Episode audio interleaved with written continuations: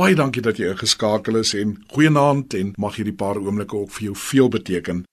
Ons is besig om so 'n bietjie na te dink oor die liefde en oor 'n liefde wat regtig in staat is om die wêreld rondom ons te verander. En Paulus gee vir ons in 1 Korintiërs 13 'n paar van die spesifieke kenmerke van hierdie liefde, want hierdie liefde is nie 'n algemene liefde, sommer so lekker voel geliefde nie. Dis 'n liefde wat op 'n baie spesifieke manier optree.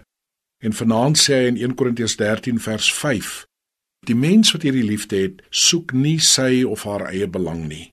Ek lees nou die dag weer iets oor vroeër jare en dis nou baie jare gelede se top 20 en ek dink toe oor die opgewonde bespiegeling wat ons deur die week gehad het oor watter plaas die eerste posisie of die treffersparade gaan inneem. Nou is dit so dat daardie dae lankal verby is, maar dis ook so dat ons elke dag met 'n ander treffersparade werk. Die treffersparade van wie die belangrikste persoon in jou lewe is. Die moontlikheid en die ontsettende gevaar is dat op hierdie nuwe trefferslys ek en jouself die nommer 1 plek inneem en sommer die nommer 2 die nommer 3 plek. As 'n mens rondom jou kyk en baie eerlik is, dan's baie van die spanning in huwelike, in verhoudinge, juis tussen mense in die stryd om altyd bo te wees, eerste te kom en in alles my sin te kry. Ek onthou dat die baie bekende Marie Janson eendag by geleentheid gesê het dat die wetywering wat soms tussen mense plaasvind, die Tweede Wêreldoorlog na sonneskootpiknik laat lyk. Ek sal nie toegee nie. Ek sal nie die eerste hand na jou toe uitsteek nie. Ek weier dat ons jou keuse uitoefen. Onder geen omstandighede sal ek jou raad aanvaar nie. Ek het klaar gepraat en jy sal nou gaan doen wat ek vir jou gesê het, klink in ons huise op.